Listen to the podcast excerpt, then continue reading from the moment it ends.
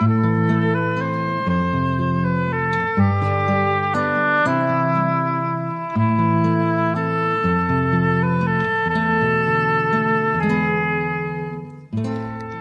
aand beteken onder meer kortom aand. En kortom beteken van die mooiste Afrikaanse kortverhale. Vanaand gaan ons inderdaad luister na 'n kortverhaal van 'n maestro. Henny Oukamp se verhaal My tante wat in Chelsea woon. Johan Nel gaan dit vir ons lees.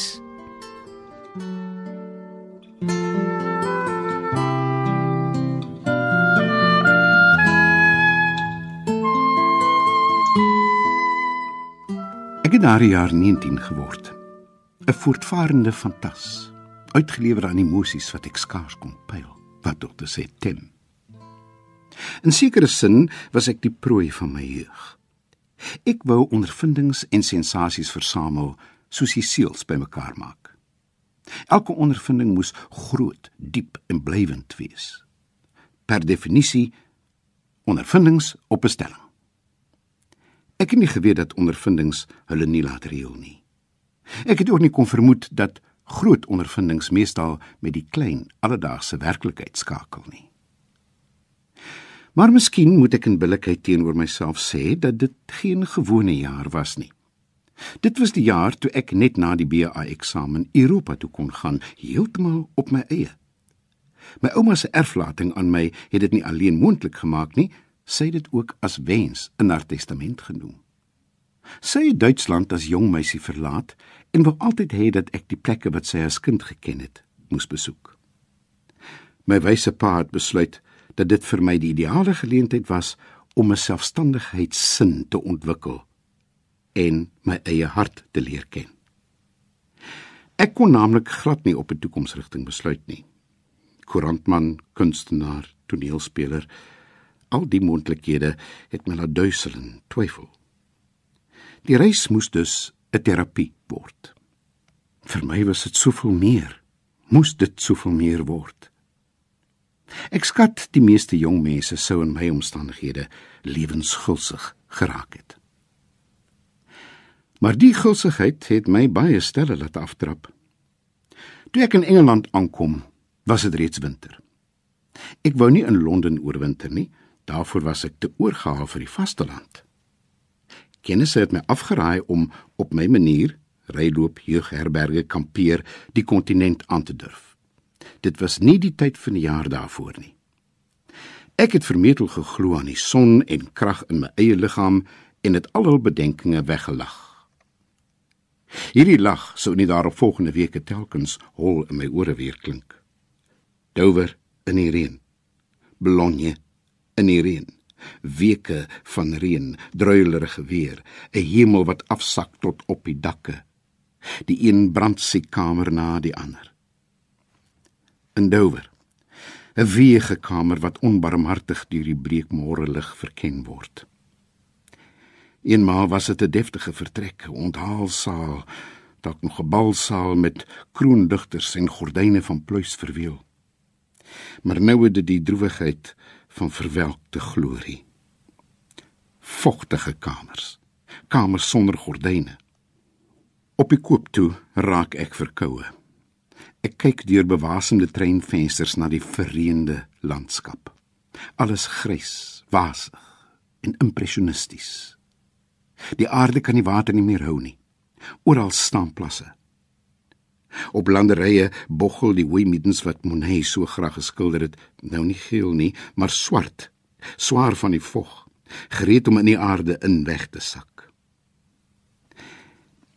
Ek voel my uitgesluit.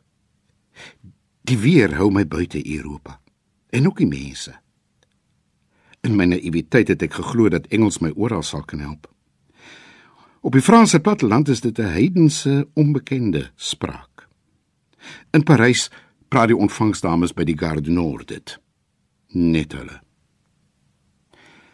Later voel ek myself uitgesluit wanneer 'n jong Duitser in 'n jeugherberg verlustig lê en snork.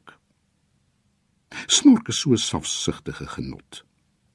Buite spoel die see teen die strand, lisblind, sag, tot dit eindelik genadiglik teen my slaap aanspoel. Wanneer het die lustige gedagte vir my die eerste keer totaal oorrompel? Dit moet op die trein na Amiens gewees het. 'n Klomp Franse werkers met blou hemde, rooi gesigte en swart barette het skuins oorkant my gesit. Een was besig om 'n grap te vertel. Die ander het oor die mikke van hulle bene geleun en gespanne elke beweging van die spreker gevolg. Die verteller het sy slag geken. Hy het spanning opgebou. Sy storie het die klimaks genader. Toe hef hy sy hande op soos 'n dirigent. Daverende gelag Die gehoor klap op hul knieë, hul duie. Are swel op voorkop en nek. Monde is oopgespalk. Sweet breek op gesigte uit. Eindelik sak hulle terug teen die bankleunings, uitgeput na die inspanning. Omdat ek die grap nie verstaan nie, raak dit op onredelike wyse 'n grap ten koste van my. En ek besluit. Dit is geen weer verrys nie. Dit is geen land verrys nie. Ek wil terug Londen toe waar die mense tee drink en waar ek in 'n huurkamer 'n soort primitiewe huislikheid kan inrig. Maar om om te draai gaan ook 'n erkenning beteken. Ek het in my oormoed ponde en ponde in die water gegooi. Die duur van my verblyf in die vreemde hang af van hoe verstandig ek met my erfgeld werk. Leef ek versigtig, kan dit 'n jaar word. Langer nie en koppig byt ek op my tande. Kontinent, hier kom ek. Verkoue en gebroke, maar ek kom. My ondervindings wil ek hê. Kathedrale en konserte, tuine en paleise en as er tyd voor oorbly, miskien ook die liefde. Amiens word op meer as een manier die keerpunt van my reis. Dis hier dat ek finaal deur 'n kathedraal verneder word. En dis hier waar ek Nancy Rothman ontmoet. 'n Enkele reël in 'n reisgids het my na Amiens gevoer. The Cathedral of Notre Dame is the most representative example of French Gothic. Dit moet het ek my voorgenem en die sin aangestreep. Duidelike ondervinding vir die esoteriese groep. Esoteries was toe my gunsteling modewoord. Ek het dit te pas, maar meestal te onpas gebruik. Dit duik soos 'n leitmotief in my briewe en dagboek van destyds op. Na my aankoms in Amiens het ek my rugsak in die stasiebewaarkamer gelaat. Ondervinding het my geleer dat jeugherberge tot 5:30 die middag toe bly. Intussen kon ek die kathedraal bywerk. Maar weer sou dit wees soos met die Notre Dame in Parys of die kathedraal van Chartres. Net erger, veel erger. Die groot ondervindings laat hulle nie soos visnette inhaal nie. 'n Groot ondervinding gebeur net in 'n groot gees. Die Notre Dame in Amiens het 'n reeks vernederings verseël. Dit het my verpletter. Ek wou huil, maar nie van ontroering nie. Ook hiervoor was ek te klein. Van onmag. Ek het na die gebrandskilderde vensters gekyk tot my oë daarvan begin brand het. Die kriptoneel, 'n purperdonkie en 'n geel bees. Soos Chagall Renaud het ek desperaat gedink, so diepte aan my ervaring probeer gee. Maar 'n belewenis wou dit nie word nie. Daardie kathedraal met sy winterse ongetooidheid en smeulende vensters het vreemd en onverskillig teenoor my gebly. Dit wou geen toegewings maak nie. Ek het letterlik uit die gebou gevlug met my sterkste herinnering die aan kersvlammetjies in 'n sykapel wat al een kant toe een kant toe beurende tog en iewers naby die hoogaltaar die heilige gezoem van 'n vloerpoleerder. Buite die kathedraal het ek verydeld staan en kyk hoe lê immer in reën en wind om en om rol op mat glimmende lijkklipstene. Toe duik ek weg in die krag van my baadjie en stap stasie toe. Op pad na die jeugherberg het die gehavendheid van Amiens my bedruktheid vererger. Oral die tekens van oorlogsverwoesting. Groteske geraamtes van geboue, blinde vensters. Waar eens 'n bed of 'n tafel was, en rose in 'n kruik het nou die onkruid oorgeneem. Sover ek stap teen die motreen in, die sakke dooie gewig op my rug, kom die gezoem van die poleerder na my terug. Die tergende, sloopende geluid van 'n blikemmer wat op die keistene rol. Ouder gewoonte word dit 'n lang soektog voor ek uiteindelik by die jeugherberg aanland. Dit is die bewoonbare gedeelte van 'n groot formele gebou wat in die oorlog lelik onder grof geskadeer geloop het. Die opsigter wag my in of ek sy prooi is. Barbarossa doop kom onmiddellik. Hy het rooi hare, 'n perde gebit en groot hande met vuil naels. Die groot hande ontvang gierig my geld.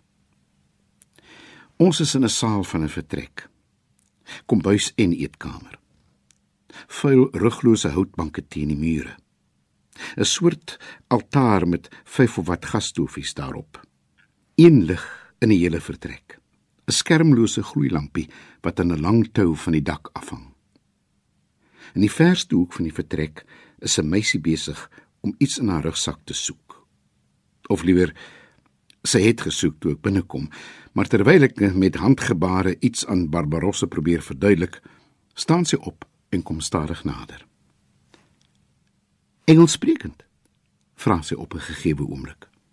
Sommers so teen Barbarossa se rede in. Hy begluur haar, maar wanneer hy begryp sy wil tolk, glimlag hy sy geel tande bloot. Sy asem ruik na knoffel. Die opsigter wil my glo net die slaapkamer gaan wys. Nee nee, die rugsak mag nie saam nie. Moet wat 'n gedagte. Agter sy rug trek die meisie Nancy skewe mond vir Barbarossa. Dadelik is daar 'n band tussen ons. Wanneer ek terugkom, staan sy my in inwag. Ek is Nancy Rotham, stel sy haar voor. Dis wonderlik om weer Engels te hoor. Die 2-3 dae dat ek saam met Nancy was, was sy nie vir my lelik nie. Sy was amper vir my mooi, omdat sy in daardie stadium so 'n dringende behoefte by my was. 'n Mens tot wie ek kon deurdring. Sy was die eerste mens om my na my ballingskap te verwelkom. In terugblik besef ek maar altyd duidelik dat sy nie mooi was nie. Ek is oud genoeg om die bekendtenis te maak. My vriende het tog nooit geglo aan die asembenemende skoonheid wat ek in Amiens ontmoet het nie. Sy was klein. Dit was die koddige omtrent haar. Maar nie petit nie. Sy was nie die soort kleinheid wat mans beskerm teenoor 'n meisie laat optree nie. Dit was 'n kleinheid wat amper grotesk is. Al die natuur haar as dwerg bestem het, maar op die laaste oomblik van plan verander het. Iets van die oorspronklike bedoeling skemer tog deur in die eindproduk. In die verhouding tussen die ledemate en die liggaam. Tussen kop en liggaam. Of miskien was dit haar naragtige optrede wat te mense in 'n dwerg laat dink het. Jy het 'n nare verkoue. Was een van die eerste dinge wat sy gesê het. Wat sou verbygaan? het ek met bravade geantwoord. Hoe nee, nie in die weer nie. Kom, Ek het iets in my rugsak. Sy haal tablette uit die flap van haar sak. Toevallig dieselfde soort waarmee ek my dokter. Maar ek sê niks nie. Aanvaar dit met groot dankbaarheid. Kom ons maak 'n groot ete. Toe, wyn, sop en die lot, stel sy voor. By die kafeetjie op die hoek gaan koop ons gruyère kaas, regte Franse fluitbrood en 'n bottel wyn. En wanneer ons 'n ruk later op koerantpapier by 'n smeerige tafel sit en eet, begin ek voel dat ek vir die eerste keer die lewe ervaar. Omdat ek nie gewoond is aan wyn nie, raak ek gou spraaksaam. By tye selfs geestig. Nancy lag hysteries oor my grappe, ook oor die minderes. Die opsigter kyk ons mispresend aan. Nancy bied hom brood en wyn as soenoffer aan wat hy maar al te gereedelik aanvaar. Terwyl die klimaat gunstig is, vra hy sommer of ons sy koffie ekstra sterk kan maak. Ons begin guggel.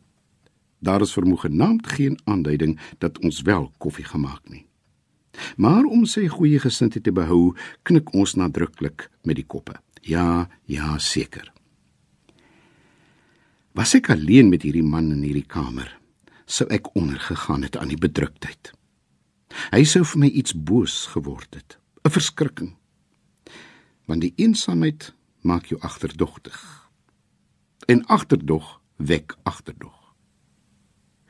Vir die eerste keer in my lewe besef ek dat 'n mens aan die alleenheid kan ondergaan.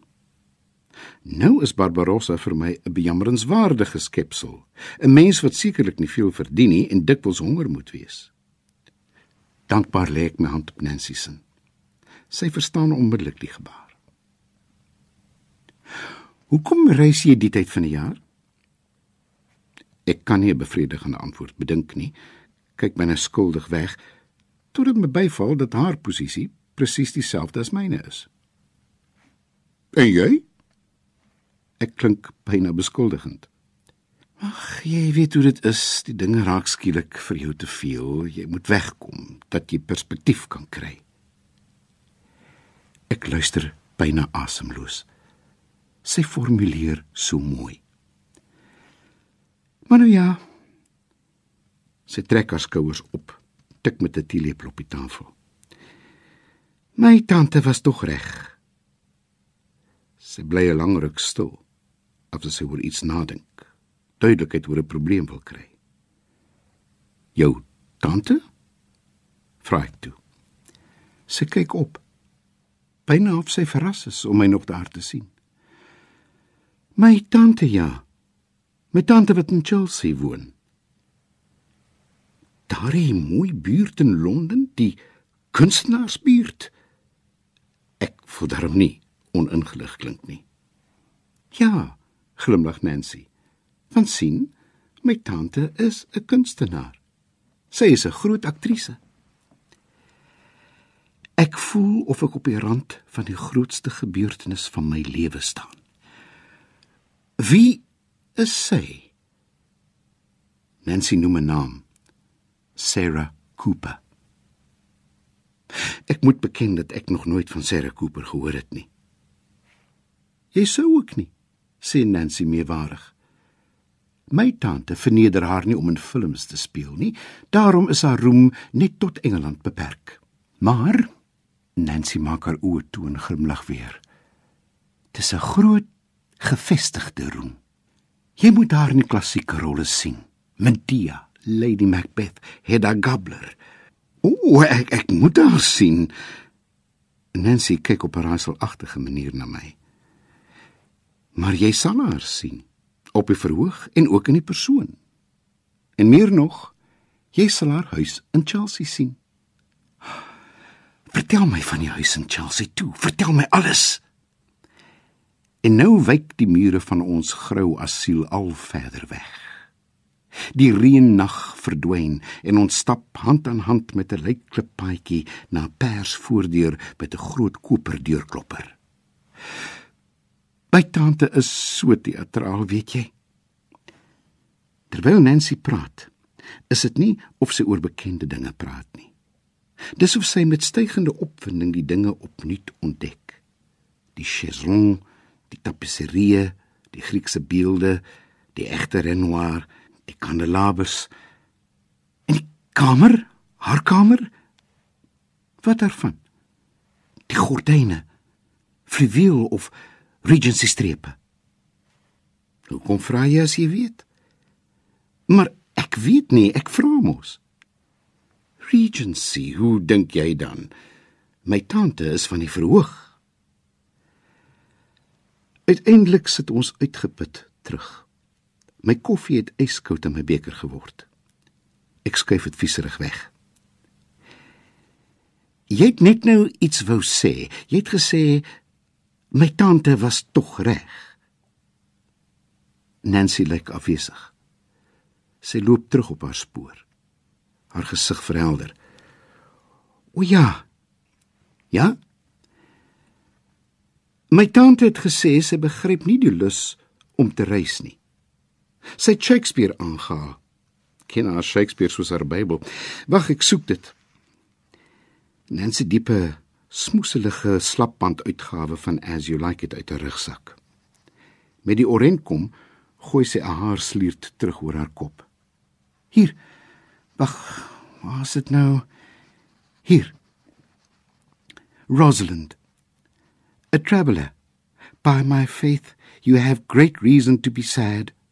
I fear you have sold your own lands to see other men's. Then to have seen much and to have nothing is to have rich eyes and poor hands. Nancy sit die boek weer weg. Act 4 scene 1 sê sy. My tante was reg. Ek gaan môre terug huis toe. 'n Beklemming pak my. Ek wil iets sê. Die gesprek het skielik afgebreek. Met 'n slim opmerking wil ek ongedaan maak wat sy gesê het. Maar ek kan niks anders dink om te sê nie as was jy by die kathedraal? Sy roer haar een skouer terwyl sy onderlangs na my kyk. Ja. Maar ek dink 'n mens moet 'n katoliek wees om dit te waardeer. Haar opvatting klink vir my te maklik, maar ek aanvaar dit want dit versag die vernedering van die middag. Ek is dubbel lief vir haar oor hierdie weldaad. In hierdie stadium sê die opsigter ons aan om te gaan slaap. Nancy wil my soen. Moenie, ek is verkoue, keer ek lomp. Wie sê ek wil nie aansteek nie? En sy soen my vol op my mond. My slaapkamer is die treurigste waarin ek nog geslaap het. Ek mag nie my slaapsakkamer toeneem nie en moet onder grouwe grys komberse inkruip. Buite ratel los sinkplate in die wind. In die dieptes van die gebou huil 'n kind. Tog is ek diep gelukkig. In die aangrensende kamer met net die muur tussen ons lê Nancy. So sê ook aan my dink. Ek bekommer my nie meer daaroor dat sy môre weggaan nie, want ek weet klaar Waar Nancy gaan, gaan ek. Die volgende oggend verslaap ek my. Dis die rustigste wat ek nog geslaap het vandat ek op die kontinent reis. En buite, ja werklik, is 'n beduidenis van son. Ek moet dit so gou moontlik vir Nancy vertel. Met my toiletsak in die hand loer ek by die kombuis in. Sy is besig om 'n Engelse ontbyt aan te slaan. Eiers, wors en spek in 'n pan. Ja, ek weet. Son. Spring sy my voor. Maar jy moet opskud. Die ete is amper klaar en ons trein vertrek oor 'n halfuur. Sy het my verlos van 'n besluit, van 'n morele verantwoordelikheid. Ek gaan terug Londen toe, nie omdat die kontinent my ingebreek het nie, maar omdat 'n gawe meisie dit gebied het. Van Amiens na Boulogne, van Boulogne na Dover. Ons skip se naam is The Maid of Orleans. Ons sit op dekstoele, kombers oor ons bene. Die see is groen in die verte. Nog verder weg op die horison purper, soos die vlek van 'n eksotiese vlinder. Oor alles heers 'n onweershemel, ryk aan atmosfeer en grys skakeringe. Steeds bly ons bestendige tema. Nancy se tante wat in Chelsea woon. Natuurlik is dit in orde. Jy trek saam met my my tante in. Sy hou van jong mense om haar. Dis 'n groot huis. Sy vra dikwels hoekom ek nie 'n vriend of vriendin saambring as ek by haar kom kuier nie. Werklik, Nancy. My protes klink braaf flou. Ek sien al hoe ek van 'n Chelsea adres af huis toe skryf. En glo dit of jy wil of nie, Ek is die gas van die beroemde Sarah Cooper. Natuurlik het julle nog nooit van haar gehoor nie. Dis die laaste skof van ons reis van Dover na Victoria Station dat Nancy onverklaarbaar stil word. 'n Snaakse soort stil wat na aan hartseer is. Hoekom so stil? Sommer sê maar van opwinding. Nancy kyk na die prentjieslandskap van Kent.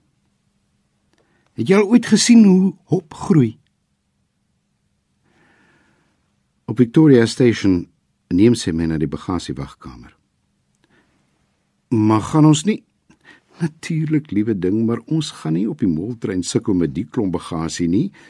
Dan sê as as sofeur kan dit later kom haal. Nancy se vrolikheid het iets opgeskroefs. Sy lyk verdwerg en krampagtig. Wag jy nou soos 'n soet seun terwyl ek dan Sarah gaan bel. Kry solank die what's on en kyk of sy vanaand speel. Ek het 'n uur gewag. 2 uur. Ek het what's on van voor tot agter deur gelees. Nêrens het ek op die naam Sarah Cooper afgekom nie. Ek het my rugsak gaan haal in Earlscourt toe gegaan om 'n kamer vir die wintermaande te loop soek. Nou is daardie winter so so baie sedertdien vir altyd verby. En leef dit net in die onvolkomme argiewe van die herinnering. Ek dink dikwels aan die meisie Nancy wat my in Amiens en van Amiens na Londen opgebeur het met vertellings oor haar tante. Maar my gedagtes aan haar is veel milder as toe sy my vergeefs op Victoria Station laat wag het. Ek dink selfs met vertedering aan Nancy, want ek besef dat haar tante 'n wensvervulling was en dat sy in billikheid teenoor haarself nie anders kon opgetree het nie. Sy het die spel beëindig waar dit moes en sy het haar amulet behou. Johan Nel het in die oukomse verhaal my tante wat in Chelsea woon gelees. Van my Margaret alles van die aller aller allerbeste tot volgende keer. Mag dit met ons almal goed gaan. Totsiens.